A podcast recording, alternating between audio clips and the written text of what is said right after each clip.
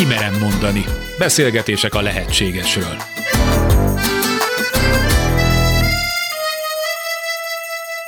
Összeesküvések mindig voltak, ahogyan biztos tudás hiányában összeesküvés elméletek is.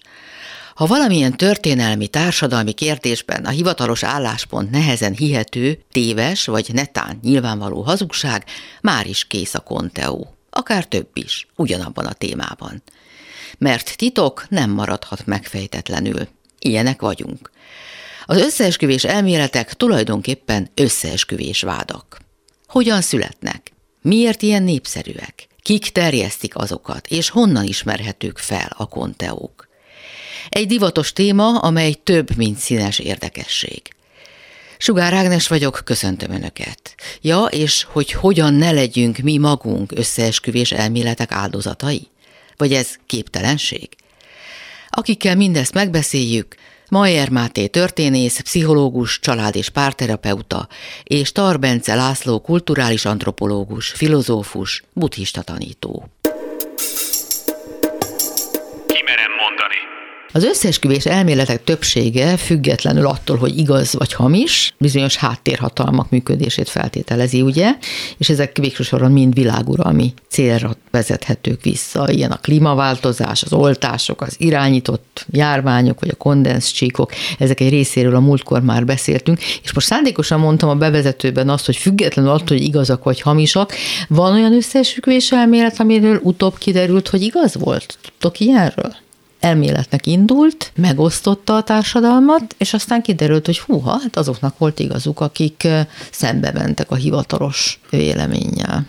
Hát az ilyen nagy elméletekről nem, de ilyen rész elméletekről igen, tehát mondjuk a hidegháború idején, nem múltkor volt szó a vietnámi háborúról, aminek a kontextusa egyébként a hidegháború nagyon is paranoid környezete, ugye az a, az a háttér, és mondjuk akkor voltak olyan elméletek, hogy hát a CIA emberekkel kísérletezik börtönökben, drogokkal, mindenféle büntetéssel, kínzásokkal, és ez utóbb kiderült, hogy igaz volt. Igen, ezt úgy hívták, hogy MK Ultra, CIA-nek ez a nagyon híres LSD kísérlete, ahol LSD hatása alatt próbálták az emberek személyiségét teljesen kitörölni és újraépíteni. Egyébként ezzel igazából kémeket akartak, szuperkémeket kívül. És hát ez, ez egy összeesküvés elmélet része volt, hogy hát ez nem létezik, hogy az amerikai kormány embereken ilyen drasztikus eszközökkel kísérletezik, de ez kiderült, hogy valóban így van és előfordulhat még ilyen, hogy ki fog derülni, de most ne erre a vonalra üljünk rá. Povedák István és Hubes László Attila a szerkesztete Alternatív Világképek című tanulmány kötetében olvasom, hogy milyen működés mód van a hátterében annak, hogy egy összeesküvés elmélet működik, beül, és aztán elterjed.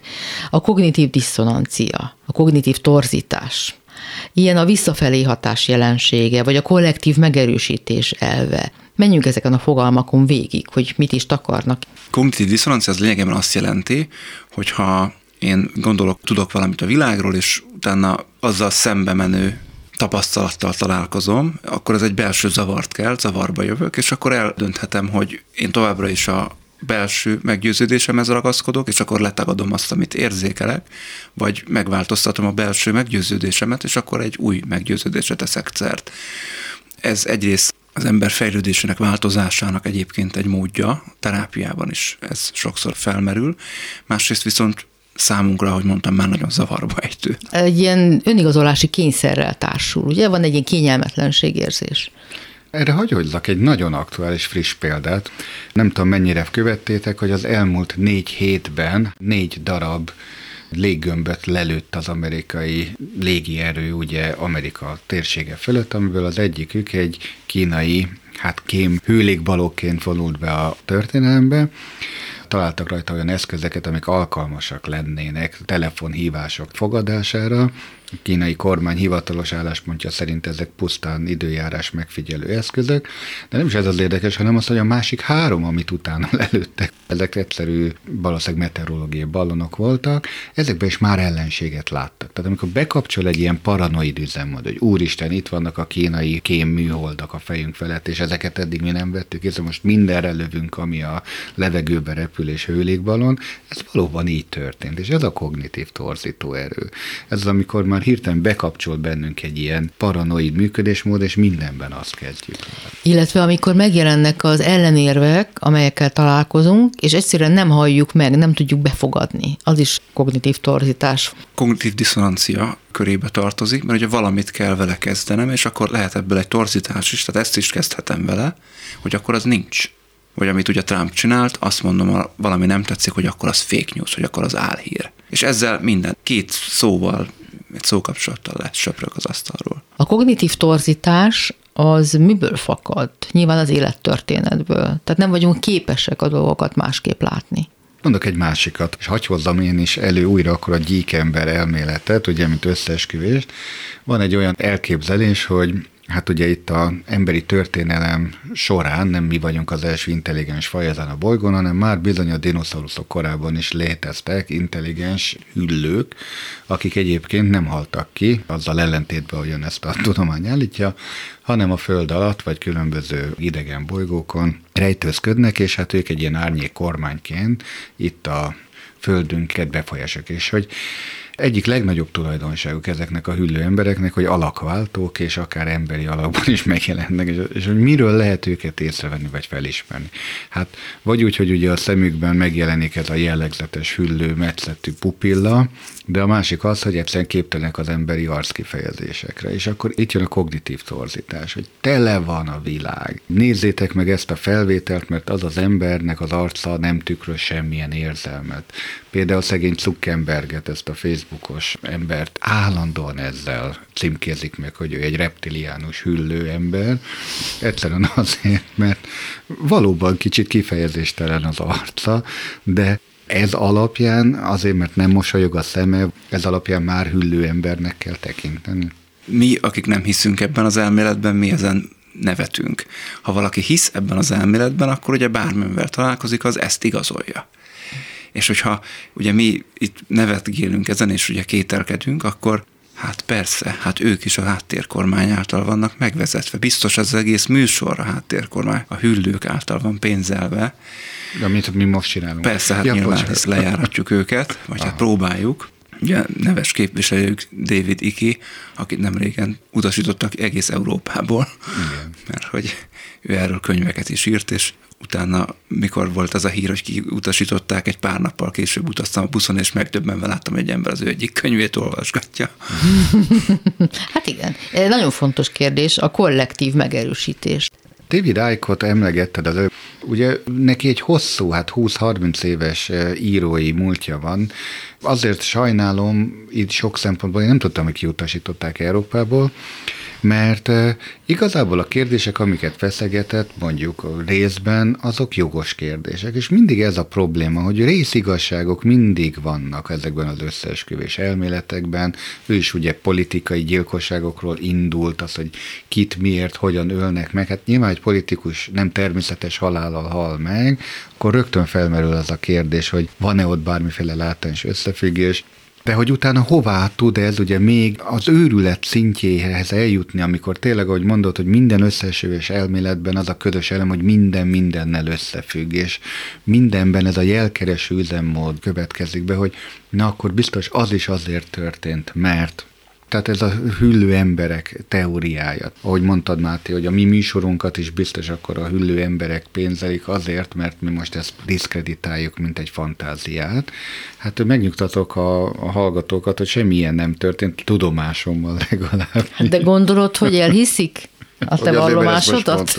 Hát ez az, igen. Itt jön a jelkeresés, hogy jó lenne, ha ilyen egyszerű jelek alapján, mint az, hogy valakinek kifejezéstelen az arca, vagy az, hogy nem tudom, furcsán áll a szeme, már leleplezhetnénk. És akkor az emberekben van ez a vágy, hogy olyan erősen szeretnék ezt látni, hogy ők ezt felfedezik Donald Trumpba, Joe Bidenben, például bármelyik amerikai elnökben, hogy ők mind hüllő emberek egyik a másik után, és akkor kitalálják azokat a jeleket, hogy mi alapján.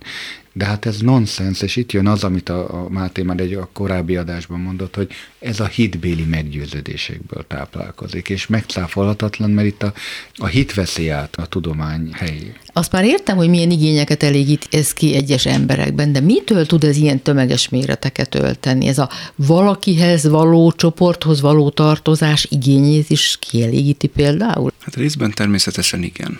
Nagyon érdekes volt megfigyelni ugye az elmúlt években, ahogy ennyire előre törtek az összeesküvés elméletek, nem csak mint érdekes szenzációk, hanem abból a szempontból kerültek be a hírekbe, hogy egyre többen hisznek ezekben, hogy például az oltásellenes vírustagadó megközelítés az mint egy ilyen kapudrog működött, hogy aki abban elkezdett hinni, utána nem sokára már az 5 vagy a chemtrailbe, vagy valamelyik háttérhatalomba is, tehát hogy egyre több mindent így el tudott fogadni ezekből, és akkor így szépen sodródott át ebbe a táborba, be az alternatív tények által szegélyezett táborba, és onnan utána nagyon nehéz visszajönni.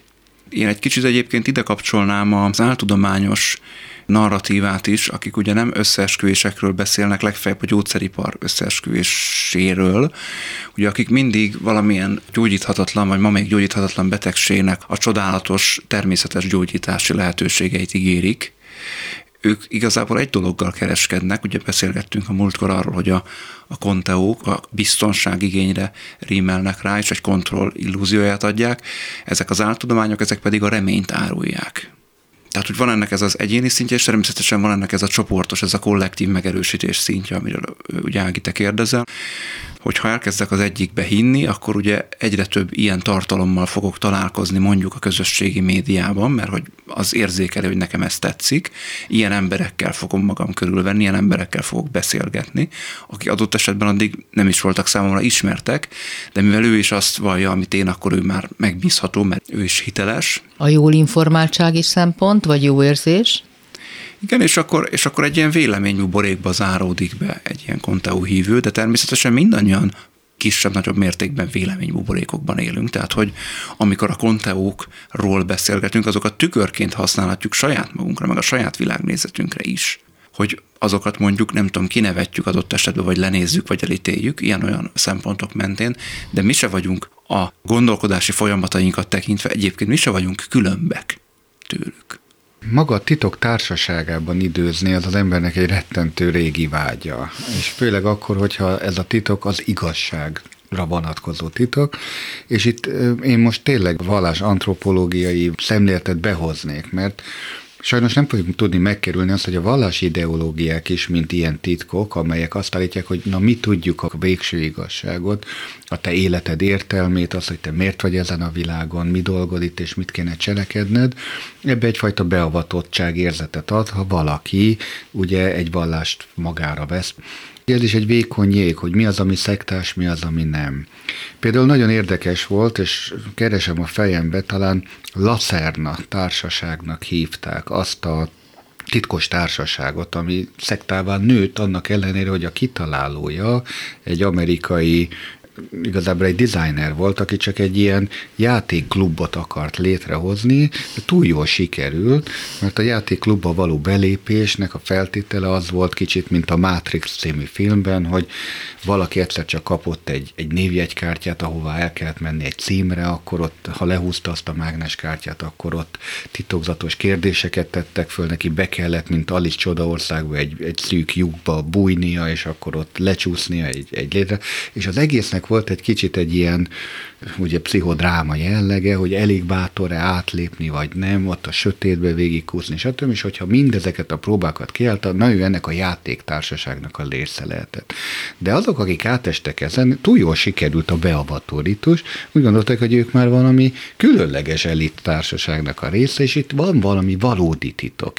És bele kényszerítették a játék kitolálóját, hogy ő újabb és újabb titokzatos, megfejtendő rejtélyekkel álljon elő, aztán ez megszűnt három év után, mert már, már az életét érezte fenyegetve maga az alapító, hogy, hogy mint a Foucault ingájában, ha olvastátok Umberto Eco-nak ezt a könyvét, ugye az őrültek rámáztak, hogy mi a titok, mondd el most már.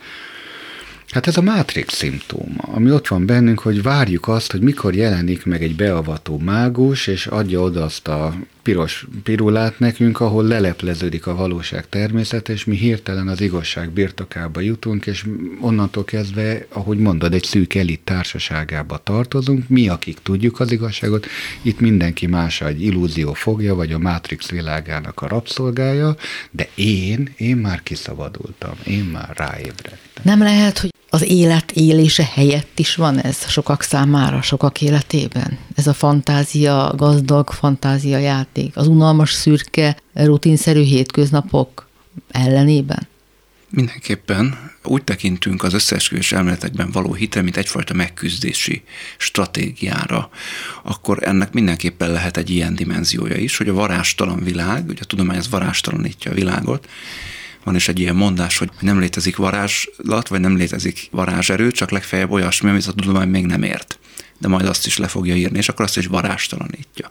Ugye nagyon sokáig ilyen mágikus gondolkodás volt jellemző az emberiségre kollektíven is, ez az utóbbi két száz évnek a terméke, hogy a közoktatás bevezetésével és elterjesztésével ma már inkább tudományos magyarázatokat keresünk arra, hogy miért fúj a szél, és mondjuk nem Isten munkáját látjuk ebben, vagy nem valamilyen varázslónak a mesterkedését. Tehát, hogy biztos, hogy emögé a varástalan világ mögé azt gondolom, hogy beláthatok, akkor ott van valami izgalmasabb. Akkor egyébként nem kell addig a, a saját életemnek a nehézségeivel, mondjuk a párkapcsolati sikertelenségemmel, vagy a munkahelyi megakadásommal, a függőségeimmel, az anyagi problémáimmal, a, nem tudom, a velem már szóba gyerekeim kérdésével foglalkozni, hanem akkor itt a gyík emberek leleplezésének szentelhetem a mindennapjaimat, mondjuk. Másrészt olyan értelemben is ez egy megküzdés, talán a legutóbbi adásban említett említette Bence, hogy ugye mennyiféle információ zúdul ránk, és hogy ezzel hogy tudunk megküzdeni. Hát nem tudjuk mindent befogadni, tehát, hogy egyrészt be kell csukni a fülünket, meg a szemünket, hogy, hogy ezekben ne fulladjunk bele. Másrészt elkezdünk azt szerint szelektálni, hogy ki az, aki mondja. Akkor ő a megbízható, ő meg a megbízhatatlan. És akkor általunk egyébként teljesen ismeretlen emberekbe fektetjük a bizalmunkat, mert nem tudom, szép volt a mosolya, mert hasonlókat mondott, mint amiket én is gondolok, mert olyan hitelesnek tűnik. Ilyen értelemben is ez egy megküzdési próbálkozás, hogy akkor abból a sok mindenből, amit látunk, hallunk, érzékelünk a világból, a közvetített világból, abból akkor hogyan tudjunk szelektálni. Ez az eszképizmus, tehát valóban elmenekülni ugye a valósággal való szembesülés elől, azért az én felfogásom szerint egy mélyebb metafizikai vágyat tükröz, tehát tényleg mindenki keresi a 9 és 3 negyedik vágányt, hogy hol van az a rés, ahol ki lehet lépni ebből a világból, hol van narni a varázsszekrénye, amiben belépek, és akkor átmegyek egy másik világba, vagy mondhatnék még ezer irodalomból ismert, vagy mint Alice-nál, ugye a tükörön átlépve, hogy kell, hogy legyen egy másik ország, egy másik világ, ami, ami a mi világunknál teljesebb, gazdagabb, ahol te hirtelen egy felszabadultabb önmagaddal igazább ban azonosult, vagy egy igazabb állapotával találkozol, ami mind végig rejtve volt. És az emberek, amikor ezekre a képzelt titkokra lálelnek, hogy tényleg a hold túlsó felén UFO bázisok vannak, és minden este elrabolnak engem, csak én nem tudok róla, mert kitörlik az emlékeimet róla, de nyírd meg ezt a piros voltot a kezemen, mert ezt is a lufók hagyták ott, akkor ezzel hirtelen ebbe a varázsvilágba lép be az az ember a maga fantáziáján keresztül. De maga az igény, hogy miért van erre igénye, hogy miért akar ő kilépni ebből a világból, miért feltételező, hogy van egy másik világ, ami igazabb, vagy ahonnan ő származik, vagy ahova el lehet távozni, na az már egy sokkal érdekesebb, és az emberi mélélektannal kapcsolatos valódi kérdés. És ide hadd kapcsolódjuk akkor most meg én egy picit. Az ember, amikor emberré lett, a teremtés, vagy az evolúció, vagy mindkettő által, akkor azért év tízezredekig egy ilyen halászvadász gyűjtögető életformát folytatott, ami, hogyha nem a dolog veszélyességét nézzük, hanem az élményvilágot, az egy nagyon gazdag, sokszínű, rengetegféle ingert átélő élet. Ehhez képest egy irodában ülni minden nap, az rettenetesen inger szegény. Nem erre szelektálódtunk és ettől viszont szenvedünk. És ugye az eszképizmusnak vannak a hétköznapokban elfogadottabb formái, a filmek, a sorozatok, a könyvek olvasása is ilyen, vagy az ilyen rádióműsoroknak a hallgatása is. Azért, mert hogy egy olyan civilizáltnak nevezett környezetbe vagyunk beleszorítva, amiben hát ilyen-olyan szenvedést él meg nagyon sok ember, ugye rengetegen szorongásos vagy hangulatzavaros megbetegedésekkel reagálnak, erre is lehet egyfajta értelmezés, valami fajta összeesküvés elmélet, vagy valamilyen áltudományos ugye, megközelítés, mert hogyha ezektől egy picit elrugaszkodunk, akkor azt is mondhatjuk, hogy ezek a különféle ilyen autoimmunbetegségek, stressz és hangulat zavar alapú betegségek, ugye civilizációs betegségeknek hívjuk őket, sokszor nem gondolunk bele, hogy ez valójában azt jelenti, hogy a civilizáció betegít meg. Tehát, hogy ez egy rendszer szintű hiba. Valóban. Ha már többször említetted, akkor legyünk még racionálisabbak, szürkébbek, ha úgy tetszik. Különböztessük meg, hogy mi a úgymond hiteles tudomány, az áltudomány és az összeesküvés elmélet között a különbség. Hiteles tudomány az biztos, hogy valószínűségekben beszél, hipotéziseket fogalmaz meg, ezeket vizsgálja, próbálja megerősíteni vagy cáfolni, és általában még egy kijelentés tényként fogad el, az hát legalább egy évtized és rengeteg összehasonlító vizsgálatnak a, az eredménye. A tudomány jellemzően a matematika nyelvén igyekszik leírni a világ működését, számszerűsíteni próbál, tehát ugye kvantifikál, de kvalitatív, tehát minőségi, nem számszerűsíthető tényekkel is operál, de azokkal mindig egy picit óvatosabban bánik.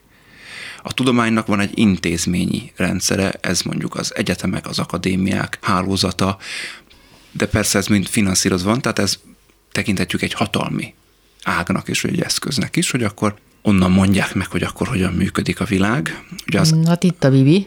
Az összeesküvés hívők már azt mondják, hogy na ezen bukik Így van, szándékosan fogalmaztam így, hogy az áltudomány ezzel szemben mindig kijelentő módban fogalmaz, minden mást kizáró tényeket tár elénk, általában szenzációs felfedezéseket, amik nem megkérdőjelezhetőek, ezeknek az igazolására nem, vagy csak nagyon szorványosan tud kutatásokat felmutatni, jellemzően kismintás és manipulált eredményeket, és ugye nem is kell feltétlenül összeesküvés elmélet hívőnek lenni, mert mondjuk óriási olajvállalatok hatalmas pénzeket fektettek olyan kamukutatásokba, amik azt mutatták ki, hogy bizony klímaváltozás nincs, vagy ha mégis van, akkor erre semmilyen hatása nincs az eltüzelt szénhidrogéneknek, mert ugye nekik ebből profit érdekük származott, és mondhatunk ilyeneket gyógyszerkutatásokra, vagy például a cigaretta káros hatásainak az eltusolására is. Ugye lehet ilyen szélhámosokat találni, vagy hát ilyen korrumpálható tudósokat találni mindig, csak ezeket a tudós társadalom már a szerencsére nagyobb rész kivetette magából. Hát igen, most azért biztos, hogy sokan vannak, akik azt mondják, hogy a tudományba is nagyon sokan sokszor csalódnak, mert kiderül, hogy manipulálták azokat a bizonyos tényeket, mert a tények mindig manipulálhatók, nem tudni, hogy mennyire hihető mindaz, ami megjelenik, amiről olvasni lehet, amit az orvos, akár az orvos, vagy a gyógyszer gyártó cégek állítanak, tehát teljes a bizonytalanság az életéren az emberekben. Vannak egyfelől a, a hívők, akik nem hipotézisekben gondolkodnak, gondolkodnak, hanem elfogadják egy az egyből, amit a tudomány állít, és vannak a tudományban kételkedők, akik pedig a korrumpálhatókra és a megtévesztő helyzetekre és manipulációkra hivatkoznak. Ugye az az érdekes, most mondod ezt, hogy a tudományban kételkedők, hát minden tudós kételkedik a saját tudományába. Hát a szkeptikus alapállás az a tudományos gondolkodás alapja, tehát pont az a lényege egy tudósnak, hogy amennyire tud, nyitott kell, hogy maradjon akár önmaga ismeretei megkérdezésére és Én a hipotézisére. Nem a tudósokkal van a bajom, hanem akik ezt befogadják, vagy értékelik az átlagemberre aki a tudományt azt feketén-fehéren igaznak fogadja el, a másik oldal pedig feketén-fehéren azt mondja, hogy na ez biztos Igen, kamu. ez viszont ugye inkább a, a fizika kultúr történetével kapcsolatos, ugye Simonyi Károlynak van ez a fantasztikus, érdekes, nagy antológiája, ami azzal foglalkozik, hogy hogy hogy lehet az, hogy egyáltalán kialakulnak a tudományok, a különböző disziplinák, és hogy ezek mögé intézmények szervesülnek, és az intézményesített tudományal van a baj, nem a tudományal. Az, amikor egy intézményesített, felkent papja lesz egy tudománynak egy megmondó ember, aki esetleg tényleg dogmatikusan gondolkodik arról. Most ezek a tudományos dogmák mindig megdőlnek. Pont ez a lényege a tudománynak is, hogy azokat, amiket szentül és kinyilatkoztatás szintén igaznak gondolt, későbbi adatok, ismeretek, tények feltárásával meg tud kérdőjelezni. És hát mai napig is mindig az van, hogy addig tartjuk igaznak a tudományos felismeréseket, amíg valami meg nem cáfolja. Ha most praktikus oldalról nézem, a találmányok történetével bárki foglalkozott, hogy hogyan születnek például a ma már ugye tudományos alkalmazhatóság területén születő találmányok, akkor ezeknek kevesebb, mint az 50 a kerül feltalálásra tudományos kutató intézetekben. Minimum az 50 a abszolút mondhatjuk amatőrök feltalálásának köszönhető, akik pont annak köszönhetik ugye a, a találékonyságot, hogy nem ragadnak bele egy-egy mondjuk tudományos dogmába, és alapkérdéseket is meg tudnak kérdőjelezni, és ez egy nagyon pozitív trendnek látom, hogy nagyon bátorítja a mai tudományos közösség az amatőr tudósokat, hogy nem kell neked akadémikusnak lenni ahhoz, hogy te tudományjal foglalkozzál, és legyél otthon szobatudós ilyen értelemben, és legyen meg a saját műhelyedbe, és kísérletez, és alapkérdéseket tegyél föl, mert tudják, hogy sorsfordító találmányok tömkelege születik ezekből az otthon dolgozó amatőr feltalálók kezei közül. És mi a véleményed az úgynevezett áltudományokról? Nem is tudom, mit sorolunk ide pontosan. Nekem együtt például eszembe az elektromágnesesség felfedezése előtt volt egy hipotézis, ami egy orgon energiával kapcsolatban azt feltételezte, hogy például a borostyán kő elektrostatikus, mint nem volt még az elektromosságról világos kép, hatását az adja, hogy egy ilyen szerves energia, egy bioenergia, ezért hívták orgonnak, tölti azt föl, és egyébként hat át minden. És hát ez nagyon komolyan foglalkoztak ezzel, hogy ez, ez létezik, ez raktározható, ez át lehet-e adni egyik embernek a másiknak, és ugye azok, akik mai napig valahol hisznek ebbe az orgonba, mindegy, hogy ez milyen névváltozásokon ment keresztül, és ma bioenergiának hívjuk, hogy ez átadható, sőt, ez elraktározható. Ezt én bezárom egy palackba, nem tudom, odadom neked, vagy átküldhető a föld túlsó felére. Ott se kell, hogy legyen az az illető, akinek én átadom, csak rá gondolok pusztán mentálisan, vagy a fényképét megnézem, és akkor a fényképen keresztül. Még egyszer mondom, maga kutatási irány az helyes volt, ami megpróbálta ezt a jelenséget vizsgálni, hogy egyáltalán mi az életerő, mi a viszvitális, mi működteti az organizmusokat, mi hozza létre az anyag élő állapotát. Ha mindez nem lett volna, nem született volna meg a modern biokémia, de az az érdekes, hogy a régi hiedelmek se haltak ki az új felfedezéseken, mert addigra már annyira megerősödött egy tábor, aki azóta is abban hisz, hogy 150 évvel talán is még mindig él ez a hiedelem. De ma már mégis azt mondanánk, az akik orgon hívő vagy bioenergetikával gyógyít, hogy az áltudományos uh-huh. gondolkodású. Hiszen tudományos kutatásokkal nem igazolható. Maximum placebo hatás Így van. van, de hogy amelletti nem placebo hatás, másfajta gyógyhatás viszont nincsen. Tehát az áltudomány az mindig szenzációhajház, mindig valamilyen manipulációs célt szolgál, vagy a az adott személy, aki ezt fölfedezi, idézőjelek között, hogy akkor az ő befolyását próbálja ezzel növelni, vagy még sokkal gyakrabban az ő anyagi haszonszerzéseiről, tehát mondjuk a bioenergiát bezárom a palaszba, odadom neked, de hát nem ingyen adom persze, hanem egy jelképes összegér ezer dollárért odadom, és hát ez igazán nem nagy ár azért, hogy ez mindentől megszabadít téged meg aurulátó szemüveget adok neked, tehát hogy ezek a, az áltudományok, én inkább paratudományoknak szeretem ezeket hívni, mint áltudományok, mert valahol ugye a tudományos ismereteink határait kutatják, vagy határterületeit, hogy ha már itt a bioenergiát hoztam példának, 80-as évek végén, 90-es évek elején nagyon híres volt Egeri Györgynek az a kísérlet sorozata, hogy egy tűre fölfüggesztett habkönnyű kis kereket meg tud az ember keze forgatni, ha egyszer azzal, hogy oda teszi mellé. És hát egy elmélet volt, egy gondolat, hogy ez biztos bioenergia mozgatja. Ma már mindenki tudja, hogy ezt úgy hívják, hogy termokinézis, hogy pusztán a emberi test által kiadott hő, és így igazából a hideg levegő és a tenyér közötti hő különbség, az a minimális hőkülönbség, és elég ahhoz, hogy azt a mozgató erőt létrehozza. De ha valaki nem vette ezt észre, vagy nem hozta volna ezt létre, soha nem vizsgálják ezt a jelenséget, és nem tud a tudomány egy hivatalos választ adni arra, hogy ez miért is jön létre ez a jelenség. Én nem hiszem, hogy ez egy rossz indulatú megfogalmazás volt, hogy ez egy bioenergia. Ez egy lehetséges gondolat volt, amiről bebizonyosodott, hogy nem igaz. Még egy érdekesség, hogy az összesküvés elméletek demokráciákban virágzanak, hát a diktatúrákban nem. Annyira jó dolgunk van a demokráciákban? A demokrácia szabadságra épül. Itt szabad sok mindent gondolni. Egy diktatúra az nem a szabadságra épül, ott nem illik sok mindent gondolni. Ott meg van mondva, hogy merre van az előre, és hogyha valaki mást gondol, akkor ezt tartsa magában, lehetőség szerint neveljék ki belőle valamilyen átnevelő táborban, és akkor majd ő is jó polgár lesz.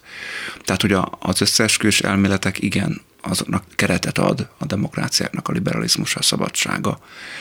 És a demokráciában ugye pont azért is demokrácia, mert hogy egyik, vagy másik, vagy harmadik, vagy negyedik párt is leválthatja egymást, ugye mindegyik mást képvisel, tehát egymás mellett több ideológia is futhat, nincs egy központi ideológia. Ha lenne, akkor az nem demokrácia lenne.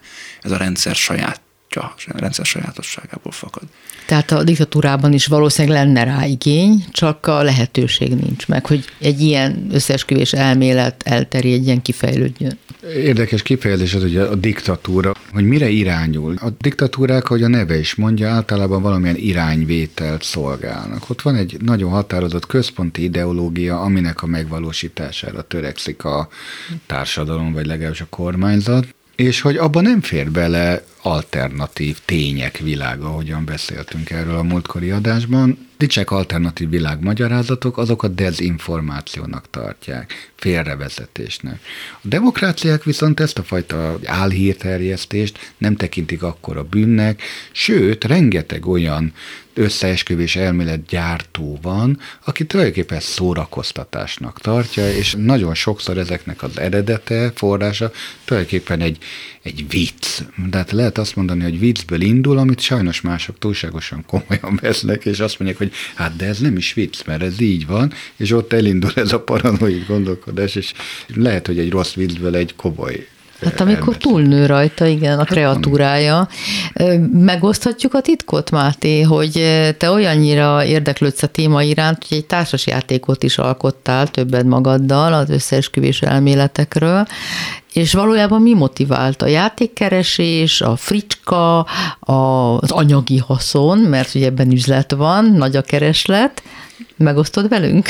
Persze, hát a feleségemmel közösen fejlesztettük, és adjuk majd ezt a játékot. Egyrészt nagyon szeretünk társas játékozni mind a ketten, és ahogy a lezárások idején, múltkor volt szó a Covid-ról, meg a lezárásokról, nem csak mi, hanem nagyon sok más ember is újra fölfedezte a társas játékok világát, mi mondjuk már előtte is, de, de akkor annyira sokat játszottunk, és nem volt mit tenni, sokkal többet is beszélgettünk, hogy elkezdtünk mi magunk is csak szórakozásból gondolatkísérletként játékokat, társasjátékokat fejleszteni, és aztán, amikor eljutott ez a dolog arra a komolysági szintre, hogy akkor akár meg is jelentethetnénk ezek közül valamelyiket, többet is fejlesztettünk párhuzamosan, akkor azért esett erre a választás, erre a tematikájú játékra a választás, mert azt gondoltuk, hogy egy, egy ilyen könnyed, szórakoztató, gyors, úgynevezett parti játék, az sokkal több ember tud megszólítani, mint egy ilyen nagy komoly táblás, nagyon összetett szabályrendszerre épül és nehezebben tanulható klasszikus táblás játék.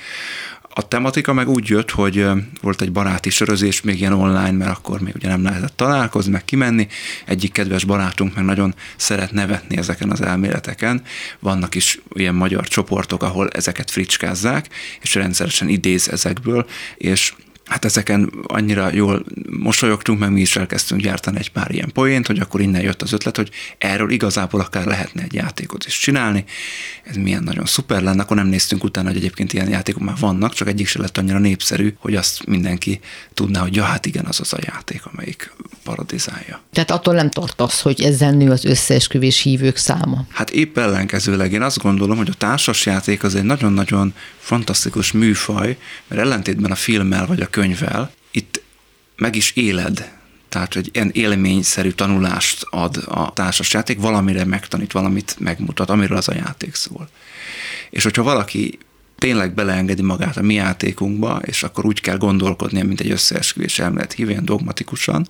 Ha ezt így megtapasztalja, akkor ez éppen, hogy szerintünk reziliensebbé teszi, ellenállóbbá teszi, hogy a hétköznapokban egy ilyen elmélettel olyan nagyon kritikátlanul elfogadó legyen, mint egyébként talán lehetne. Arról már sokat beszéltünk, hogy az információ hiány nagyon fontos eleme az ilyen összeesküvés elméletek megszületésének, de nagyon sok egyéb körülmény is, szociokulturális okok is állnak a háttérben.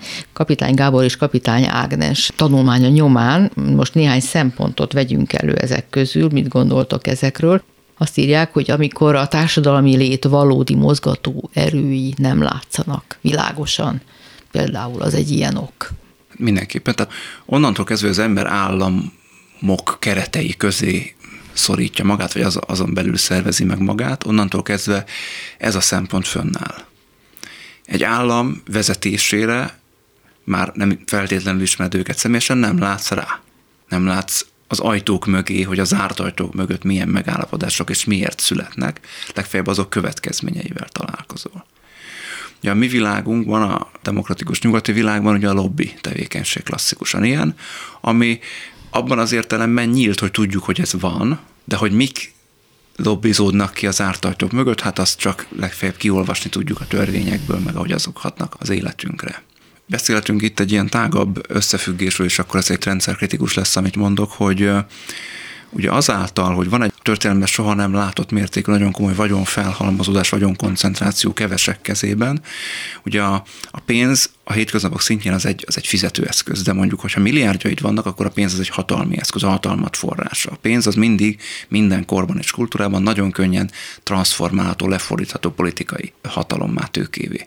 És nyilván ezek az emberek engedhetik meg maguknak, a gazdaság elit engedheti meg magának, hogy lobby tevékenység révén nyomást gyakoroljon a politikára, a választott vezetőkre. És ma nagyon sokszor tűnhet úgy, nekem mindenképp, és akkor lehet, hogy ez is egy összeesküvés elmélet, hogy tulajdonképpen a, a demokrácia az egy nagyon jó feszültséglevezetési eszköz, mert megadja annak az illúzióját, hogy mi választhatunk valami mást, de az összes lényeges szempontban egymással egyébként nagyon hangosan vitatkozó politikai oldalak pont ugyanazt gondolják, tehát mondjuk a gazdasági növekedés senki nem kérdőjelezi meg, hogy az jó, azt mindenki nagyon jónak fogadja el, és mondhatnék még egy pár ilyen példát, a technológiához való hozzáállás egyértelműen csak jó lehet, hogy tulajdonképpen mi csak azt tudjuk megválasztani, hogy ki legyen az, aki majd aztán a lobby érdekek nyomán kisakkozott törvényeket majd, majd beiktatja. Tehát, hogy nem bennünket, hanem egy szűk csoportot képvisel csak a politikai elit. És hogyha ez nem csak egy összeesküvés elmélet, hanem tényleg igaz, akkor ez nekünk valóban adhat egy, egy ilyen kiszolgáltatottságérzést, adhatja azt az élményt, és amiről ez a szempont szól, hogy nem látjuk, hogy milyen erők mozognak a háttérben, azokat nevezhetjük akár mélyállamnak, akár háttérhatalomnak is, és akkor arra el lehet kezdeni emleteket gyártani. Én nem csak a politikai szénában látom ezt, és ha az államot kivesszük innen, és azt mondjuk, hogy a hatalom, hogy kinek a kezében összpontosul, ez a mi modern társadalmunknak egy általános rák fenéje, hogy annyira specializálódott minden szakma, hogy én elviszem egy autószerelőhöz az autómat, ami elromlott megjavítatni, már nem tudom megítélni, hogy valóban rossz-e az a alkatrész, amiről azt állítják, hogy az. Nekem azt mondja ott egy szerelő, kezes lábasba öltözött szakember, hogy már pedig ezt ki kell cserélni, meg se kérdőjelezem, hogy ez így van-e, de az hagyján, azt se tudom, hogy tényleg kicserélte-e. Tehát még azt se tudom megállapítani, hogy ez a javítás elkészült. És itt jön a bizalmi elv. És ebben a 21. században ez a bizalmi elv sérült minden szinten. Ha elmegyünk az orvoshoz, hogy vajon tényleg azt mondja, ami a valódiom. Nincs-e valami gyógyszerlobbi, aki megvásárolta őt, és azért azt a gyógyszert írja föl nekem, mert neki ebből el kell adni a százezer darab darabot egy évben. Ugyanígy, hogy a szerelő azért cserélteti ki velem a vízpumpát, mert neki föl van írva, hogy 20 vízpumpát havonta ki kell cserélni, és még csak 5 csinál meg. Tehát miután nem ismerjük egymást, ugye ez az elidegenedett társadalmaknak a rákfenéje, még egyszer ezt a szót használom, hogy nem, nincs meg a személyes kapcsolat, nincs meg a személyes bizalom, ez a táptalaja annak valóban, hogy nem az én kezemben van a hatalom, valaki másnak a kezében van a hatalom az élet minden területén, és ő ezzel visszaélni fog, és nem élni. És amikor már a hatalmasok felé is elvész a bizalom, akkor lefelé ez még inkább igaz. Igen, igen hát itt a, itt a nagy tömegtársadalmakban való lét élmény, és különösen a nagyvárosi lét élmény az, amit megfogalmazunk, amikor nem ismered a szomszédaidat, nem ismered a kollégáidnak csak egy kis töredékét, igen őket is csak epizodikusan egy rövid ideig, amíg ők vagy te nem váltasz munkahelyet vagy lakóhelyet. Nincsenek azok a kis közösségek, ahol mindenki ismer mindenkit, és pontosan tudod, hogy aki az utcában, abban a házban lakik, ő akkor is abban a házban fog lakni, amikor te már öreg leszel. Tehát, hogy, hogy ezáltal nincsen meg ez, a, ez az autarkia, ez a, ez a közelség, és ezáltal a, a bizalmat azt ilyen, hát ilyen biankó csekként osztjuk, vagy éppen vonjuk meg. Ja. Írják továbbá, hogy egyéb társadalmi lélektani ok, amikor egy-egy társadalmi fejlemény okaként, vagy okozójaként egyetlen személyt jelölnek meg, de lehetséges, hogy a főhatalom birtokosát ról nem akarnak megnyilatkozni, és akkor egy rossz tanácsadót, vagy egy közvetlen embert, de konkrétan valakit meg kell jelölni a bajok forrásaként. Hát igen, mondjuk ezt nagyon jól láthatjuk most a jelenlegi Oroszországban, ahol mindig van valami a csúnya hadvezetés, a, a rossz tanácsadók, akik, akik hát hova sodorják az országot, vagy miért olyan a hadihelyzet. Ez például egy diktatúrában egyébként egy nagyon jellemző megközelítésmód, hogy ugye soha nem a, a kedves vezető a bajok forrása, hanem mindig valami más korrumpálja a dolgokat. Hát ez igen, de ez nem, nem egy új keletű dolog, tehát a sötétben bujkáló ellenforradalmárokkal már, hogy mondjam, régóta ismerjük Régóta ismerjük ezt a kifejezést, tehát hogy valóban az a feltétel, ha nem sikerül a hatalomnak ugye gyakorolni azt, amit ő gondol, akkor az csak azért lehet, mert itt valami ellenerő ott a sötétben bujkál és ellenünk tesz, és annál jobb, minél jobb, amikor ezt meg tudjuk személyisíteni, és rá tudjuk olvasni, ha ő az, ő konkrétan az, rettentően sajnálom azokat az embereket, akik egy ilyen támadás céltáblájává válnak, mert ez védhetetlen, és ennek mindig rossz a vége. Tehát, De lehet, hogy aki ilyen támadás céltáblájává válik, az a játék része azért. Maga hát is. nagyon gyakran, ez így van, nagyon gyakran ezek kirakat figurák, ezek eljátszott szerepek, amelyekkel tökéletesen tisztában mindenki, és ez a táptalaj akkor megint ezeknek a összeesküvés elméleteknek, amikor ezek a céltáblák úgy hirtelen véletlenül öngyilkosok lesznek, eltűnnek, meghalnak, senki nem tudja, hogy mi történik velük, akkor hát még inkább felmerül a gyanú, hogy hát itt biztos valamiféle játszma volt. Tehát, És hogyha ide még kapcsolódhatok, hogy amit talán eddig nem domborítottunk ki, de hogy ebben az összeesküvés elmélet hites megközelítésben azért van egyfajta ilyen felelősségáttolás is. Hogy akkor az én életem is azért olyan szerencsétlen, mert ez a csúnya háttérhatalom, ez, mert ez a rossz tanácsadó, az, az mi mindent mesterkedett ott a háttérben, nem azért, mert hogy én így meg úgy meg amúgy viselkedek és kommunikálok. És még egy nagyon érdekes szempontot behoznak itt, azt mondják, a nagyság iránti vágy, ami hát ugye emberi vonás, lássuk be, keveseknek adatik meg valójában.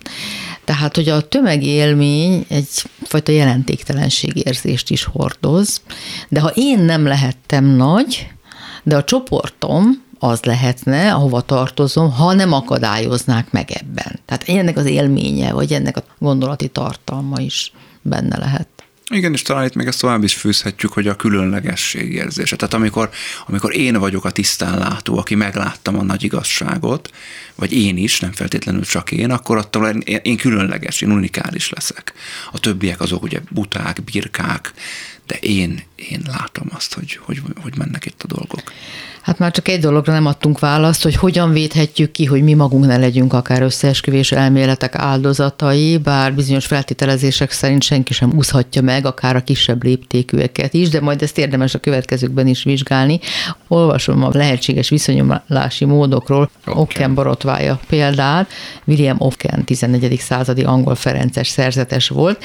Ő mondta azt, hogy egy jelenséget két egyformán jól leíró magyarázat közül célszerűbb mindig az egyszerűbbet elfogadni. És ez akár az összeesküvés elméletek felmerülésekor is érdemes szempont lehet.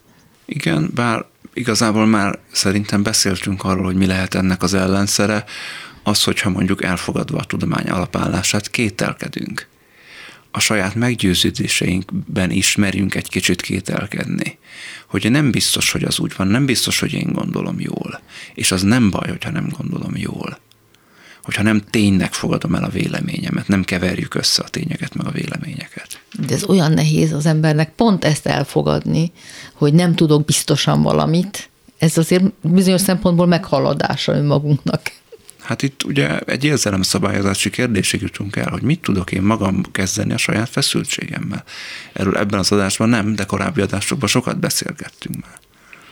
De szerintem van az emberben egy örökös vágya a szépítésre, a gazdagításra, mondhatjuk, hogy egy ilyen barokkos gondolkodásra, hogy nem szeretjük az egyszerűséget, bármennyire Okem ezt tanácsolja, és a természet törvényekre ez nagyon igaz, mert hogy a természet úgy tűnik, hogy nagyon energiatakarékos, és minél egyszerűbb, annál kevesebb energiát kell befektetni, tehát ott valóban működni látszik. Az ember nem ilyen, az ember valamiért szereti az energiáit befektetni, és egyre nagyobbra és nagyobbra, és bonyolultabbra és bonyolultabbra szőni, akár a saját történetét, ahogy mondtuk, ezt a narratívákba való gondolkodást, és minél bonyolultabb, minél titokzatosabb, minél cifrább, annál jobban vonz bennünket, akár érzelmileg is, és én ezt látom, hogy valószínűleg mi emberek igazából nagyon szeretünk sztorizni, és nagyon szeretjük ezeket a történeteket, és meghallgatni egymásnak ezeket a akár fantazmagóriáit,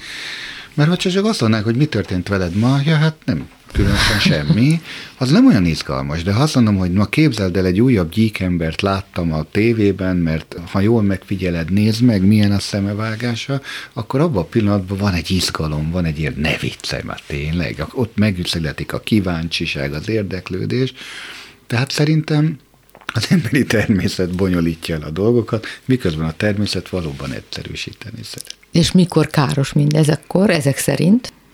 Hát, hogyha ez egy dogmatikus meggyőződésé válik, és ez szerint kezdünk el működni a világban.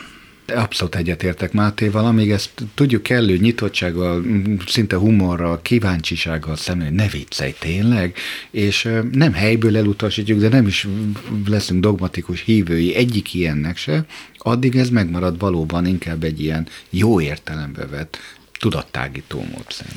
Van-e kedvencetek, amire most még itt a műsor végén egy kicsit kitérnétek, aztán majd egy következő adásban persze ezekbe belemegyünk részletesen, csak most, hogy van-e valami, ami különösen a szívetekhez szól? Ami tényleg elgondolkodtatott engem, az elkészült Európa leghosszabb föld alatti vasúti alagútja, egyébként Svájc és Ausztria között, és annak a megnyitása ennek a konkrét alagútnak, ez egy rendkívül bizarr kortárs színpadi performanszal nyílt meg, amiben valóban ördögi figurák, ilyen busóhoz hasonló ördögi alakok ugráltak jobbra-balra, és az egész egy ilyen nagy allegorikus történet volt az emberiség bukásáról, ami azért volt furcsa, mert itt végül is egy technikai vívmánynak az ünneplését kellett volna megtenni, de ellenkezőleg olyan volt, mintha ilyen Greenpeace-es zöldpártiak ennek ellenét, hogy, hogy megszégyenítjük a természetet azzal, hogy átforjuk a, a földet és a hegyeket, és nem tudom én, az ipari monstrumok elpusztítják, hogy ki a fene rendezte ezt meg? Tehát nekem is ez volt a nagy kérdésem, hogy hogy, hogy engedhették ezt egy ilyen nyitózörtedesen. Valaki belülről bomlasztott. Tehát, hogy mondod, hogy egy kedvenc, hát nem kedvenc, de ez egy talán pár éve volt, három-négy éve, nincs is talán olyan rég, és ott én is azon gondolkoztam, hogy hát itt azért biztos, hogy a svájci kulturális minisztérium, aki erre végül is engedélyt adott, az azért valahonnan kapott egy ilyen gellert, hogy na akkor ezt nem tudom én csempészétek be, mint egy rejtett üzenetet, mert ennek igenis egy nagyon komoly rejtett üzenete volt, amit csak az nem látott, aki totál vak. én a nagy kontaóknál maradnék. Hát nekem a személyes kedvencem egyébként a lapos föld, majd egy másik adásban szívesen kifejtem, hogy miért, de hogy ez a beszélgetés ne záruljon le, úgyhogy ne említenénk meg a QAnon-t, ugye a amerikai összeesküvés elmélet, aminek Magyarországon is vannak hívei, ők romozták meg ugye a kapitóliumot. Hogy úgy mekkora a társadalmi jelentősége ennek, azt talán ez is mutatja, amikor pár éve ugye Trump elnök nem ismerte el a választási verességét, és az ő hívei ugye egy polgárháborús helyzetet próbáltak teremteni, és ezzel őt rakni vissza az elnöki székbe Joe Biden helyett. És hát ez az elmélet, ez rengeteg más kontaónak az elemeit ötvezi, ugye itt egy szekta, egy pedofil szekta van a, a háttérben, akik a, a demokrata párt természetesen ennek a szektának a fedő szervezete, meg úgy általában minden liberális, és akkor itt összeforra a pizzagét, egy másik amerikai Kontaóval, hogy ugye pizzériáknak a pincéjében tartják a gyerekeket fogva, de hát ugye ott van Donald Trump, aki valójában a, az ő megnevezésükkel Geotus, ez a God Emperor of the United States, tehát az, az USA Isten császára, hogy ő, butának tetteti magát, de valójában ő ezt csak azért csinálja, mert a háttérben ő óriási eredményeket ér el, és küzd ezzel ellen a szörnyű szekta ellen, de majd jön a, jön a vihar, jön a lelepleződés, és akkor majd minden felszínre kerül, és akkor majd megbuknak ezek a gonoszok, és ugye azért QAnon, mert hogy egy Q szintű titkosítással rendelkező ember ilyen talányos üzeneteket posztolgatott egy időben, hát az mindegy, hogy a Q szintű titkosítás, ha jól emlékszem, csak a vízügynél van az usa de ez őket, ez őket nem zavarta, hanem ő, ő mindenre rálát, és, és ő így próbálja kiszivárogtatni az igazságot, amit hát ők megfejtenek. És ez miért különösen? A fantázia gazdagsága, a pszichózis súlyossága, vagy a képtelenség fokozata az, ami miatt ez számodra olyan érdekes? Hát a társadalmi hatása miatt hogy micsoda tömegeket tudott megmozgatni, és mondjuk a tavalyi évben is, hát nagyjából tízezeres tömeg várta valamelyik amerikai plázánál, hogy feltámad a Robert Kennedy, és elnökké kiáltja majd ki a Donald Trumpot, meg hogy emberek emiatt lelevették magukat a kapitóliumnál, meg megöltek, vagy megnyomorítottak azt védő biztonságiakat. Tehát, hogy valahol ez egy félelmetes jelenség, azért gondoltam ide kiemelni, mert hogy ez egy nagyon is kortárs, nagyon is releváns, és nagyon is ijesztő vadhajtása az összeesküvés elméleteknek, hogy miért érdemes ezeket nagyon komolyan venni. Hát akkor befejezésül a magukat makacsul tartó összeesküvés elméletek jó részének azért talán van némi valóság magva. Léteznek titkos társaságok, és léteznek titkos háttéralkuk is. A történelmi tapasztalatok pedig azt mutatják, hogy az ember, az emberiség bármire képes. Úgyhogy tartsuk nyitva az elménket és a figyelmünket, folytassuk innen, legközelebbre gyűjtsünk össze néhány híres, ismert, nagy-nagy összeesküvés elméletet, és egy kicsit közelebbről vizsgáljuk meg azokat. Tarbence Lászlónak és Majer Máténak köszönöm szépen, hallgatóinknak is a figyelmet. Túri Lui és Gál Bence voltak a munkatársaim ma is. Viszont hallásra! Kimerem mondani. Beszélgetések a lehetségesről.